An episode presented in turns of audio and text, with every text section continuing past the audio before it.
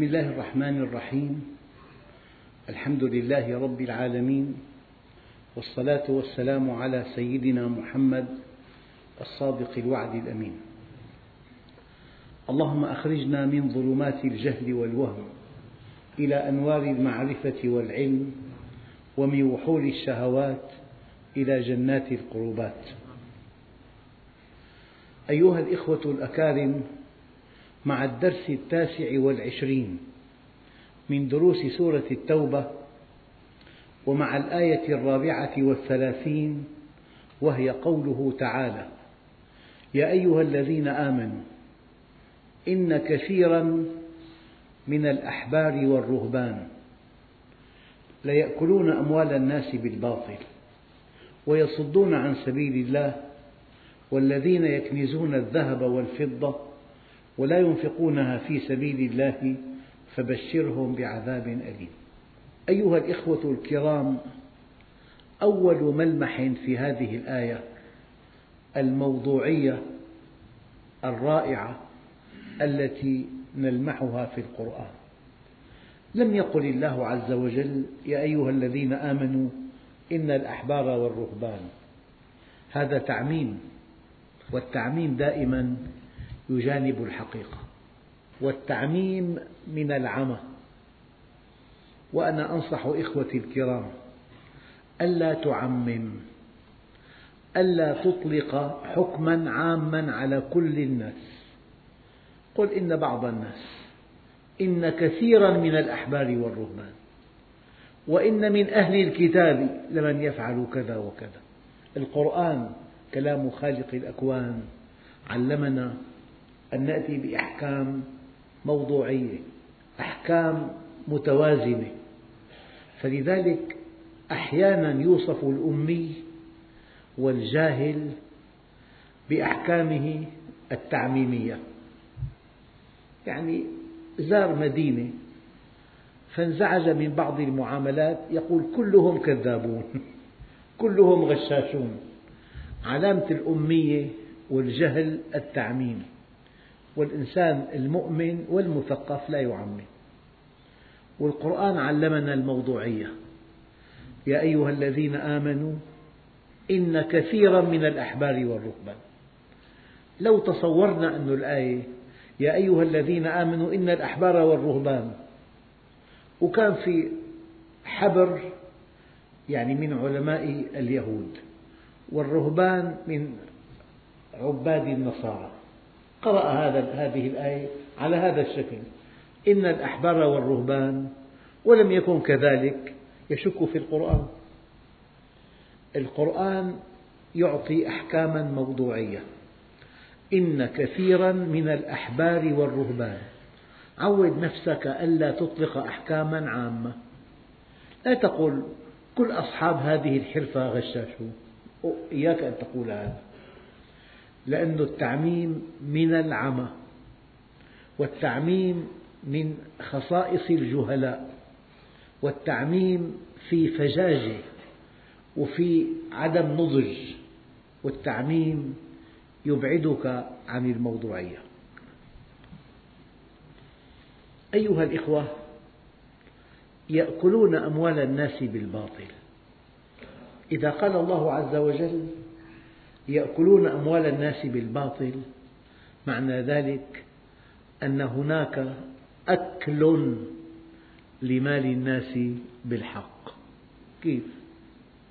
يعني أنت فتحت بقالية ذهبت إلى السوق المركزي فجرا واشتريت خمسين صنف من الخضروات والفواكه وجئت بها إلى محلك التجاري.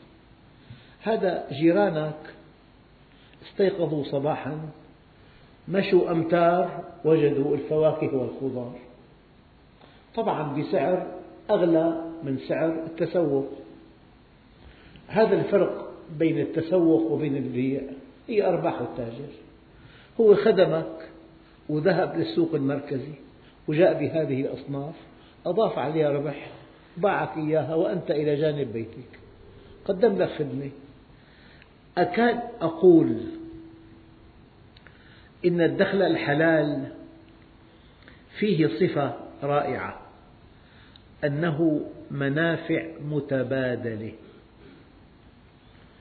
البائع انتفع بهذا الفارق بين سعر الشراء والبيع وأنت انتفعت وجدت حاجاتك إلى جانب البيت. أنت انتفعت بوجود الحاجات إلى جانبك. هو انتفع بهذا الفرق بين الشراء والمبيع. فكل منفعة متبادلة في الأعم الأغلب تنضوي تحت الحلال. لكن أوضح مثل السرقة. المنتفع هو السارق وصاحب المال خاسر. واحد انتفع واحد خسر. وكأن الحرام منفعة يقابلها خسارة. مضرة. منفعة قامت على مضرة. لو تتبعت الأموال الحرام الربا السرقة الاحتيال الغش لوجدت أن مالا أخذ بغير حق. منفعة انتفع بها البائع بناها على مضرة ضر بها الشاري أية منفعة؟ بنيت على مضرة في الأعم الأغلب. هذه الطريقة في كسب المال تصنف تحت الحرام. وأية منفعة بنيت على منفعة في الأعم الأغلب؟ هذه العلاقة التي من شأنها أنها تنطوي على منفعتين أو على منافع متبادلة تنضوي تحت الحلال. لذلك يا أيها الذين آمنوا إن كثيرا من الأحبار والرهبان ليأكلون أموال الناس بالباطل. يقدم له وهما. يقدم له فكرة لا أصل لها يعني يلقي في روعه أنه بهذا المبلغ سيغفر له. لذلك رجال الدين في العصور الوسطى باعوا صكوك الغفران. تدفع ثمن صك تغفر لك كل ذنوبك. هذا الذي أعطاك هذا الصك هل يملك أن يغفر لك ذنوبك؟ يعني دائما أكل الأموال بالباطل لها مليون طريق وطريق. والله الطرائق لكسب المال الحرام لا تعد ولا تحصى. وكلها مبنية على الوهم والتضليل والإيهام. وأساليب لا يقبلها الله عز وجل. تدليس تضليل إيهام كذب غش. لذلك البطولة أن يكون دخلك حلالا. إن كان الدخل حلالا أنت من أسعد الناس. دائما وأبدا الدخل الحرام له نتائج سيئة جدا. هذا اللحم الذي ينبت من حلال يبارك الله فيه. في لحم ينبت من سحت من مال حرام. فهذا الأب الذي يأكل المال الحرام ويطعم أولاده هناك مشكلة في حياته كبيرة. والله التقيت بإنسان قال لي أنا عمري ستة وتسعين سنة. قال لي البارحة أجريت تحليل كامل للدم والبول. كامل. قال لي سبحان الله كله طبيعي. ستة وتسعين سنة. تحليل كامل. كامل كامل. للدم والبول. ما في شيء خلاف النسبة الطبيعية. ثم قال لي قال لي والله ما لي آكل بحياتي قرش حرام. ولا بعرف الحرام. ثاني أول حرام حرام المال وثاني حرام حرام النساء. لذلك استقيموا ولن تحصوا. الاستقامة عين الكرامة. يعني كما أنه في التجارة يمكن أن تضغط التجارة بكل نشاطاتها. والله فيها أكثر من مئة ألف نشاط. نشاط متنوع. شراء مبيع دعاية سفر أخذ وكالات إنشاء معارض ترويج بضاعة طبع فواتير شراء مستودعات أكثر من مئة ألف نشاط.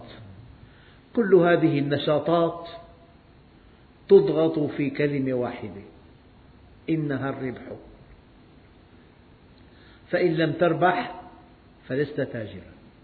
قياسا على هذا وكل نشاطات الدين بتألف كتاب تلقي محاضرة تنتسب لمعهد شرعي تذهب للحج للعمرة. لو في مئة ألف نشاط ديني كل هذه النشاطات يمكن أن تضغط بكلمة واحدة إنها الاستقامة. فإن لم تستقم لن تقطف من ثمار الدين شيئا. دين من دون استقامة ثقافة. فلكلور عادات تقاليد خلفية إسلامية أرضية إسلامية طموحات إسلامية اهتمامات إسلامية مشاعر إسلامية بطاقة إسلامية زخرفة إسلامية أقواس إسلامية. الدين شيء والإسلاميات شيء آخر. الدول مهما انحرفت مهما انتشر الفسق والفجور يقول لك بلد إسلامي لأنه في أبنية إسلامية وفي بطاقات إسلامية وفي معالم إسلامية وفي آثار إسلامية. الدين شيء آخر. الدين منهج يومي. لذلك لا تهتم كثيرا بما يقال أرضية إسلامية خلفية إسلامية اهتمامات إسلامية مؤلفات إسلامية. مشاعر إسلامية فن إسلامي. الإسلام شيء آخر. الإسلام منهج مطبق. إن لم يطبق أصبح الدين ثقافة وأصبح الدين تراثا وأصبح الدين من منجزات الأمة الفكرية. لذلك يا أيها الذين آمنوا إن كثيرا من الأحبار والرهبان فإذا كان الحبر أو الراهب يأكل المال الحرام فما قولك ببقية أتباع هذا الدين؟ يعني يمكن أن تضغط كل المعاصي والآثام في بندين بند متعلق بالمال بند متعلق بالنساء. كل الفضائح في العالم بتاريخ البشرية فضائح مالية أو جنسية. شهوتا المال والجنس وراء جميع الانحرافات. فلذلك المؤمن حينما يحصن نفسه من موضوع المال الحرام والعلاقة الآثمة المحرمة مع النساء نجا من أكبر مطبات الإنسان. أكبر مطبين. ينتظران الإنسان مطب المرأة ومطب المال. ولو استعرضت الفضائح في تاريخ البشرية لا تزيد عن نوعين من الفضائح. فضيحة مالية اختلاس. فضيحة جنسية زنا. بس. لذلك تحري الحلال وغض البصر عن محارم الله. حصنان يقيان المؤمن من أخطر انحرافين في الحياة. أما أكل المال بالحق درست اختصاص صرت طبيب جاءك مريض عالجته تقاضيت الأجرة هذه تأخذها بالحلال. درست هندسة أنشأت مخطط لبناء تلقيت الأجر. درست صيدلة فتحت صيدلية بعت الدواء تلقيت ربح. كل حرفة مقبولة ما دامت مشروعة. لذلك في بالإسلام بدائل. ما حرم الله عليك شيئا إلا جعل لك بدائل له بدائل. يعني مثلا يقول لك نحن بحاجة للتأمين. في تأمين محرم التأمين التجاري محرم والتأمين التعاوني مندوب. أنت تصور مئة تاجر أقمشة سووا صندوق للتأمين وضع كل واحد بهالصندوق مئة ألف. مئة ألف أربع أصفار بمئة يعني عشر ملايين.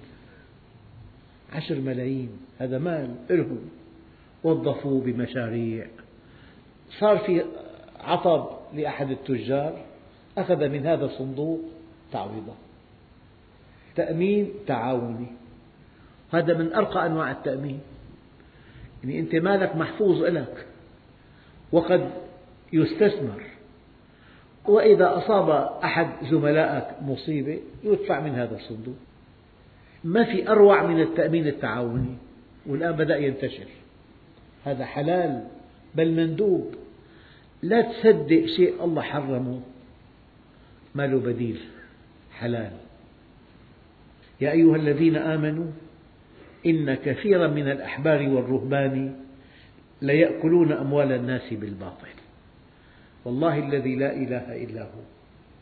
لو أردت أن تستوعب وأن تستقصي أنواع المال الحرام والله لا تعد ولا تحصى.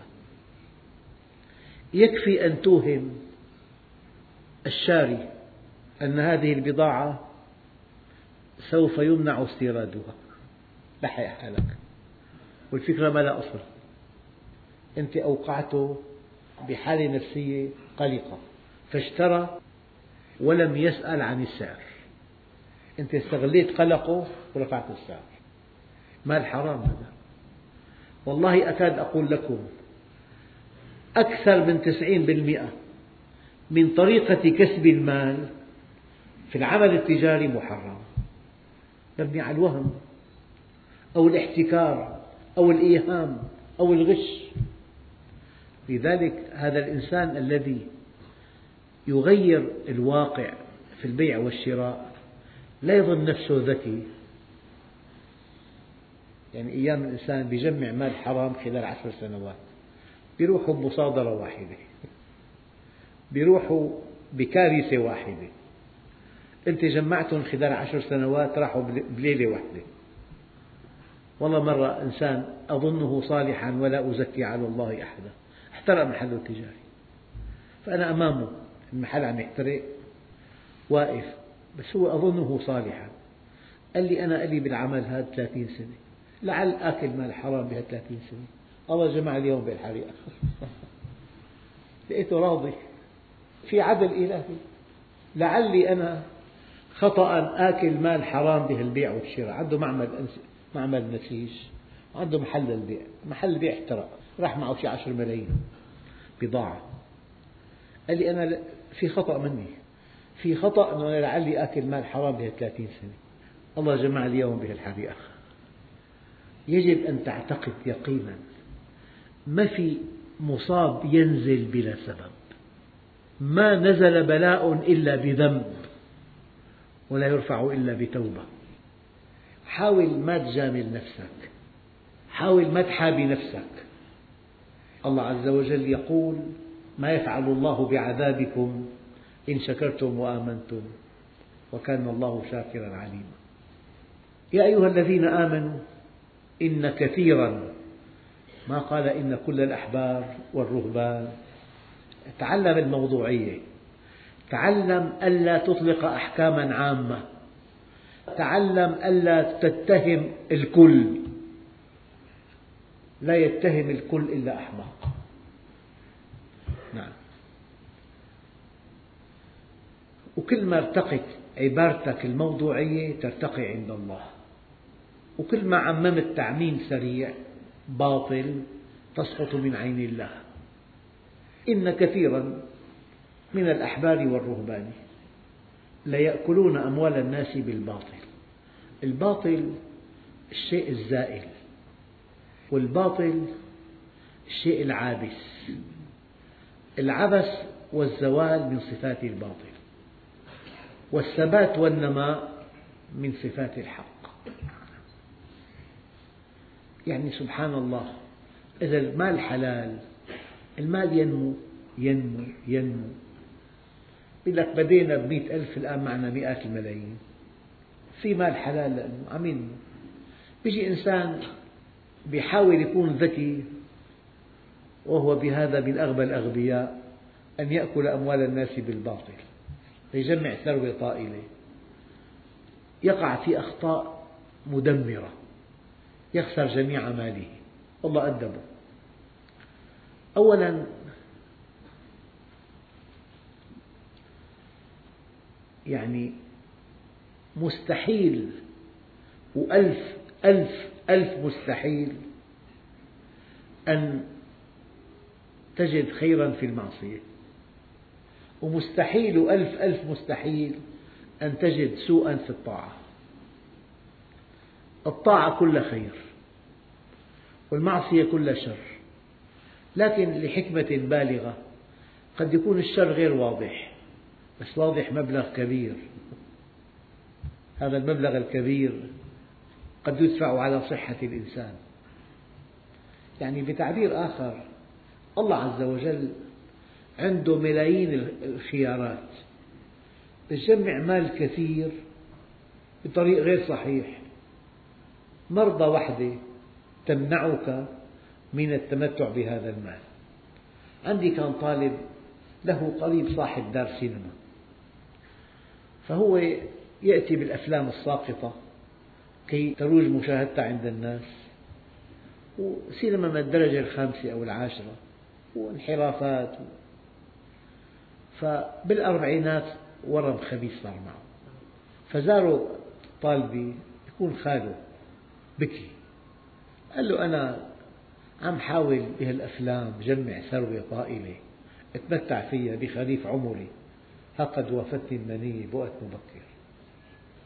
يعني لا تظن أنه ممكن تقوم بعمل لإيذاء الناس وتنجو من عذاب الله. يا أيها الذين آمنوا إن كثيرا من الأحبار والرهبان ليأكلون أموال الناس بالباطل. ويصدون عن سبيل الله. يعني إن أردت أن تصف المجتمع المنحرف صفتان جامعتان مانعتان. أكل أموال الناس بالباطل وصد عن سبيل الله. مال حرام ومحاربة للدين وهذا عمل العالم كله الآن. البنوك والمصارف والأموال الربوية والابتزاز بوسائل مشروعة وغير مشروعة وصد عن ذكر الله. أيها الإخوة الكرام إن كثيرا من الأحبار والرهبان ليأكلون أموال الناس بالباطل. المنفعتان المتبادرتان من خصائص المال الحلال والمنفعة التي تقوم على مضرة من خصائص المال الحرام. من أكل أموال الناس بالباطل أن تستخدم الإيهام والكذب والدجل. نعم. ومع أكل أموال الناس بالباطل هناك صد عن سبيل الله. ثم يقول الله عز وجل والذين يكنزون الذهب والفضة ولا ينفقونها في سبيل الله فبشرهم بعذاب أليم. أيها الإخوة من ملامح هذه الآيات أن الإنسان ينبغي أن يكسب لا بقدر حاجته بل بقدر إمكاناته. لماذا؟ لو كسب بقدر حاجته وأنفق الذي كسبه على حاجته في أشخاص كثر لا يملكون القدرة على كسب المال. هؤلاء يموتون من الجوع. فكل مؤمن ينبغي أن يكتسب بحسب قدرته على الكسب والفائض ينفقه بحسب أحكام الزكاة أو الصدقة على من لا قدرة له على كسب المال. صار في بالمجتمع توازن. فدائما يجب أن تنطلق في كسب المال لا من حاجتك بل من قدرتك. ما دام الإنفاق واجب إذا ينبغي أن تكسب المال بطريقة تزيد عن حاجتك كي تعطي الفقراء والمساكين.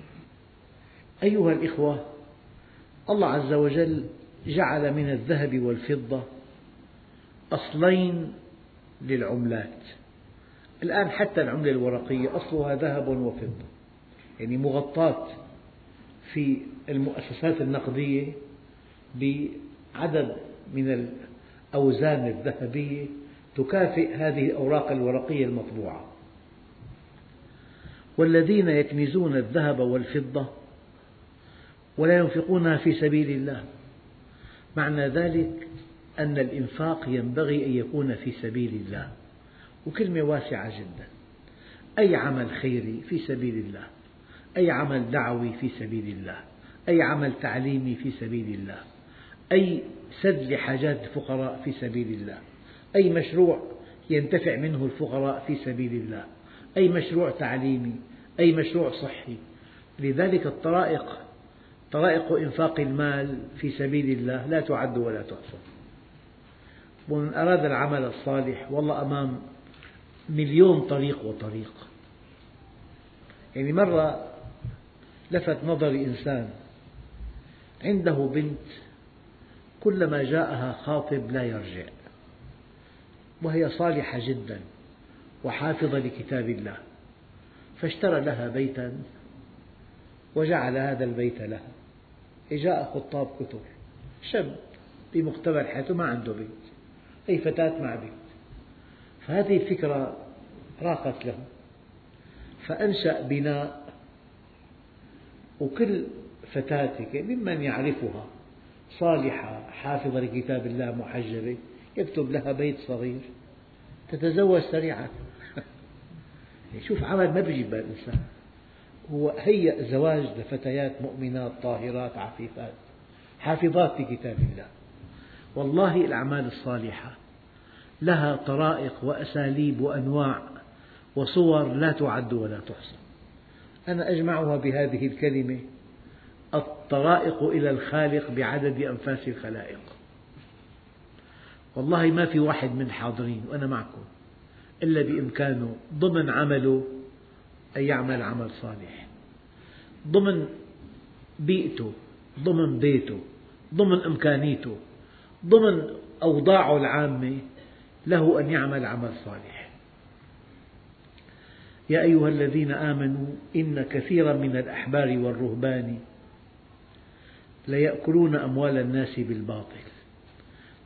يعني سمعت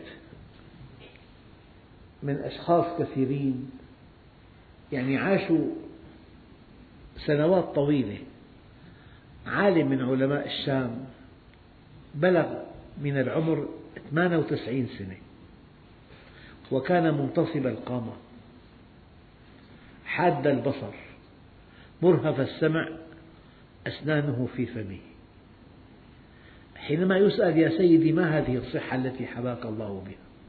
يقول يا بني حفظناها في الصغر فحفظها الله علينا في الكبر. من عاش تقيا عاش قويا. البطولة في خريف العمر. فالذي نشأ بصلاح وورع وتقى له عند الله خريف عمر كبير. أخواننا الكرام لا تبتعدوا كثيرا. مرة أقيم حفل لعلماء الشام. عدد كبير منهم تجاوز المئة ويتمتع بأعلى درجات الصحة. سبحان الله. يعني من علامات التوفيق أن يطول العمر ويحسن العمل.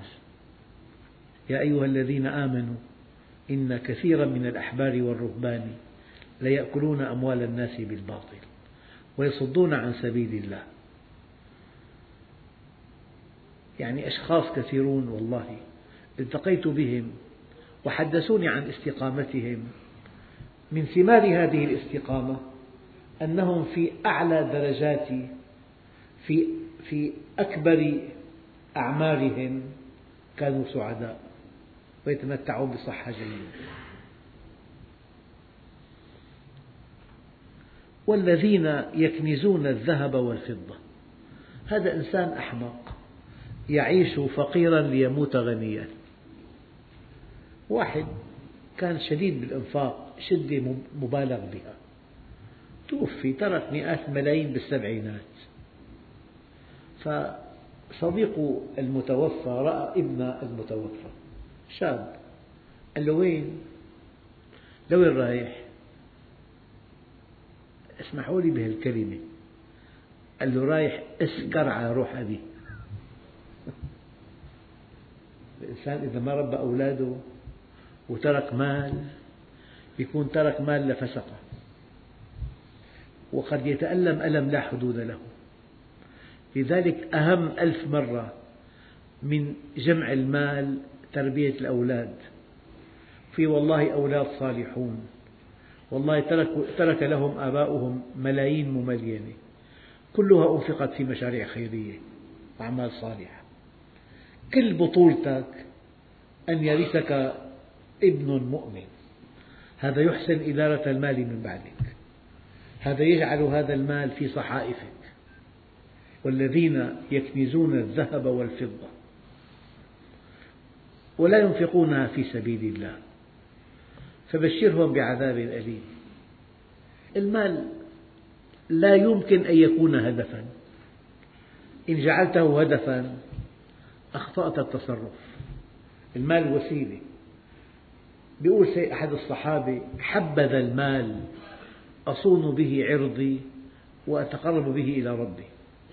حبذا المال أصون به عرضي وأتقرب به إلى ربي. هاتان مهمتان كبيرتان للمال. فبشرهم بعذاب أليم. هذا العذاب يوم يحمى عليها في نار جهنم فتكوى بها جباههم وجنوبهم وظهورهم. يعني واحد سألك سؤال فقير بجبهتك قلت ما معي. هي الجبهة وأحيانا تعطيه طرف جسمك. الجنب وأحيانا تدير له ظهرك. فالأجزاء الثلاثة من الجسم التي عبرت عن عدم الإنفاق الجبهة والجنب والظهر قال يوم يحمى عليها في نار جهنم فتكوى بها جباههم وجنوبهم وظهورهم.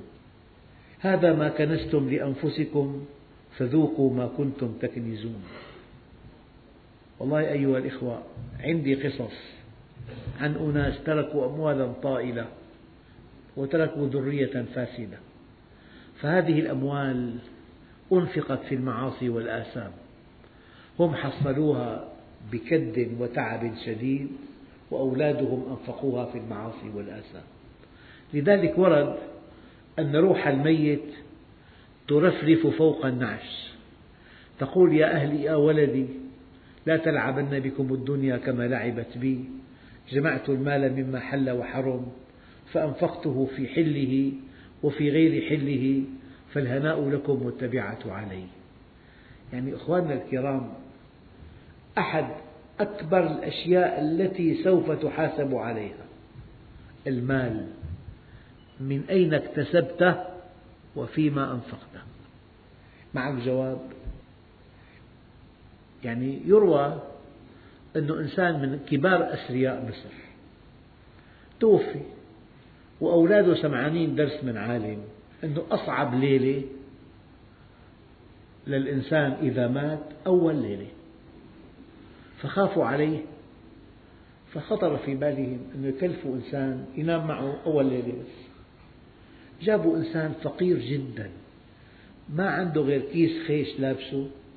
فاتحه من فوق طالع راسه ومن طرفه طالع إيدي ورابطه بحبلة هذا كل ما يملك. فأعطوه عشر جنيهات ينام مع أبوه أول ليلة فهو اختل توازن من الفرح بينام هذا نام هي قصة طبعا رمزية. جاء الملكان. قال له عجيب في اثنين بالقبر مو واحد. هذا الثاني الطيب حرك رجله قال له هذا الثاني طيب مو ميت تعال نبدأ فيه. جلسوا بدوا بالحبلة. هي منين جبتها؟ قال له من بستان. كيف دخلت للبستان؟ ما عرف يجاوب. موتوه من القتل. كيف دخل للبستان؟ لسه غير كيف أخذها؟ في فرق. كيف دخل؟ لسه في كيف أخذها؟ فهذا طلع من القبر. آه الله يعين أبوكم. والله الذي لا إله إلا هو. سوف نحاسب عن كل شيء. والله عن ابتسامة بغير محلها واحد صديقك قال لك شو بدنا نساوي؟ إذا واحد ما بيغش ما بيعيش. قلت له والله معك حق.